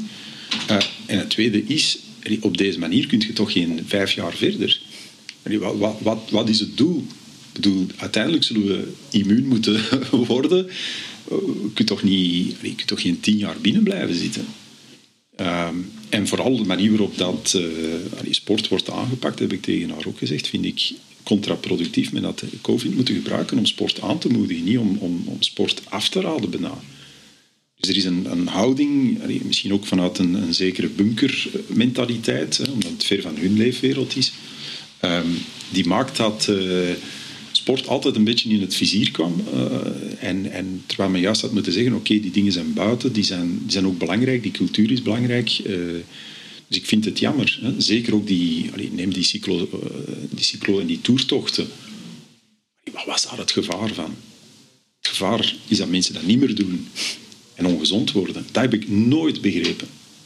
Hey, En dan zeg je, ja, ja, maar het is niet alleen dat ze onderweg rijden, ze komen ergens samen en dan gaan ze pinten pakken. Dat is ook altijd buiten. Hè. Ik moet, allee, eerlijk gezegd, met al die cyclosportieve tochten, binnen hangen? Nee, buiten. En, en als het regent, zo rap mogelijk terug naar huis. Maar ik begrijp dat niet. Dat is omdat men die wereld niet kent. En nu zie je, en, en dan kunnen we er misschien nog voor stoppen, want het wordt altijd wel lastig, maar de cultuur stond heel dicht bij hun wereld en er was binnen de kortste keren had men daar oplossingen voor. Die, en, en de sportwereld staat er heel ver van. Vind ik is ook slecht in, in zich te organiseren, in de lobby. Heeft weinig mensen die het opnemen voor hen. Want anders had al lang eigenlijk eh, alles opengeworpen geweest wat sport betreft. Iets wat wel binnen was, Velofolies, daar hebben we het nog niet over gehad. Want dat zou volgende week normaal hebben plaatsgevonden, zeker. Volgens jullie wel te begrijpen dat zij zelf gezegd hebben van... Ja, ik We denk gaan dat zij niet een- organiseren. ook eh, een bepaalde noodzaak is, hè, omdat ze waarschijnlijk ook zullen eh, het gezien hebben in mensen eh, of in eh, eh, bedrijven, merken of, of standhouders die er anders waren, die waarschijnlijk ook al eh, begonnen af, af Ja, te er waren raken. veel annulaties. Hè? Waardoor dat het een, Ja, ze zaten op- economische noodzaak bijna wordt. Ja, ze zaten op een, een bezetting van... Het laatste bericht dat ik gelezen was 65% van hun capaciteit. Mhm. Dus oké, als er dan een aantal heel grote A-merken eh, wegvallen... eh, Merida, Trek, Mhm. Specialized, Canyon, dat zijn toch allemaal geen kleine merken.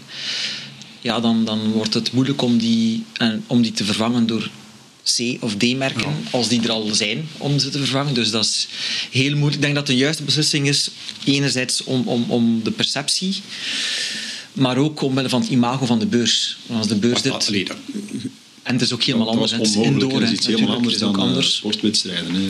Ja, ja goed, maar goed, maar ik denk dat ze toch heel lang, heel lang, heel lang hebben getwijfeld. Eh, en moest, moest er daar niet al die afzeggingen zijn geweest, Dat die beslissing zeker niet lichtzinnig genomen is, dat, dat, dat, kunnen we zeker begrijpen. Natuurlijk, wat we moeten misschien onderkennen, dat je hier met een gevaar zit. Je ziet dat ook, eh, we hebben nu over veel verlies, je hebt het over het, het BK Cyclocross gehad. eh, en in, in, in verdere uitbreiding, dat, dat er gewoon heel veel organisaties daardoor ook nu verdwijnen. Hè?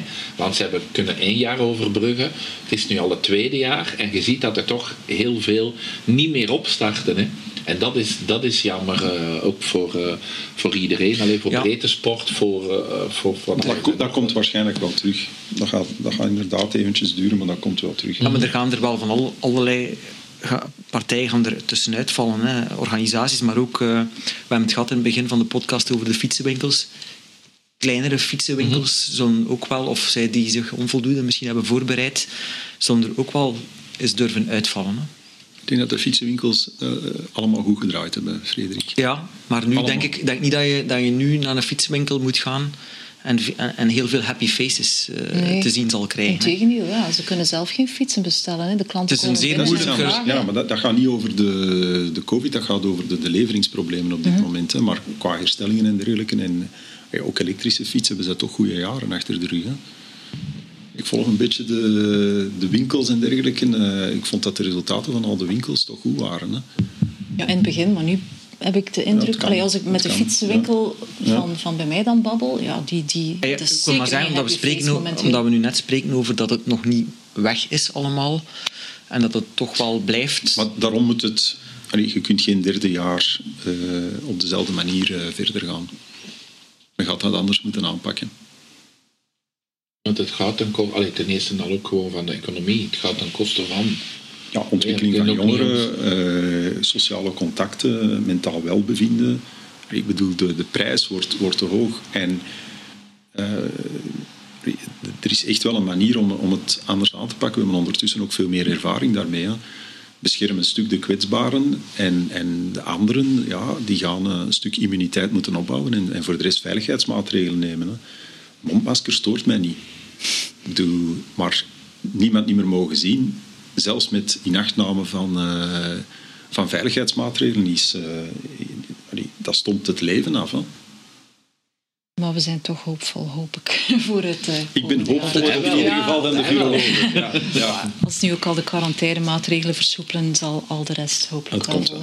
Jij zit met een papier in je handen te wapperen, Frederik. Ja, wa- wapperen is veel gezegd, maar ehm, de vorige keer heb ik geen verhaaltje verteld over eh, Saint-Raphaël. Saint-Raphaël is een sponsor van onze pod- podcast. is een eh, Frans aperitief, geen Italiaans aperitief, eh, Geert. En ehm, ik heb eigenlijk onlangs eh, mezelf een cadeautje gedaan. Er is een, een- een print ervan, maar ik heb een poster, een authentieke poster gekocht uit 1955. Eh, en omdat ik hem zo fantastisch mooi vond. Dus het, eh, veel groter dan dit A4'tje natuurlijk. Het is echt maar een, een, een, kopie ervan. Ehm, en het is eigenlijk een aankondiging van een, criterium in Frankrijk uit eh, 1955 op 5 augustus.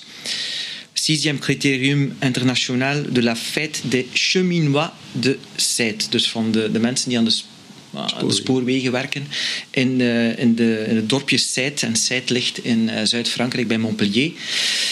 En eh, het is een affiche. Het is moeilijk ja, om te beschrijven. Het logo, het is een zeer... Tweekleurig Ja, verhaal. twee, het logo van Saint-Raphaël wordt daar zo, zo mooi in uitgespeeld. Eh, die rode kleur, eh, die, die, ehm, die publiekstrekkers die erop staan. Hè, Fausto Coppi, Hugo Coblet en eh, een aantal andere renners. En tous les craques régionaux staat er hierop. Dus al die, die, die renners die worden aangekondigd in een poster uit 1955. En ik had die, eh, ik had die ja, aangetroffen op het internet. Ik heb die aangeschaft. Ik vond een- Schitterend. even een- die krijgt een plekje in de In woonkamer. de schuur? Ik heb geen schuur, eh, Joyce, en ik ga niet zeggen hoeveel fietsen in die schuur staan. Dus ehm, nee, maar ik vond dat zo fantastisch gekocht, mooi. gekocht van wie? Van, van een, Van een, eh, een, ja, een, eh, er is een, een heel grote eh, verzamelaar, een Amerikaan. Eh, Brad Horton heet die man. En die heeft een, eh, ja, heeft een collectie duizenden stukken van, van, van truien, van affiches, van foto's, persfoto's. ik had er onlangs een keer een, een call mee gedaan. Dat kan tegenwoordig allemaal natuurlijk. Hij zat in Californië, ik zat in... of all places. En, en eh, dan, dan spreek je daar over de koers en over wielermemorabilia. En eh, dit, zat, dit heeft hij mij verkocht. Voilà. Ja. Dus een zeer eh, prachtige affiche van Saint-Raphaël. Mooi, mooi verhaal. Voor de volledigheid ook nog even vermelden dat onze andere partner, Futurum Shop, volle bak begonnen is aan de solde. Dus wie eh, mooie koopjes kan doen, www.futurumshop.nl slash solde. Ehm, en dan Alles op voorraad van Shimano ook, eh, heb ik gezien. Ah, mooi. eh, voorbestellingen gedaan en dan komt alles goed. Voilà. Heren, dankjewel. Fietsen nog, Jullie komend bedankt. seizoen. En eh, Gaan we proberen. Hoopvol 2022 tegemoet. Ja. Op naar een nieuw jaar. Dankjewel.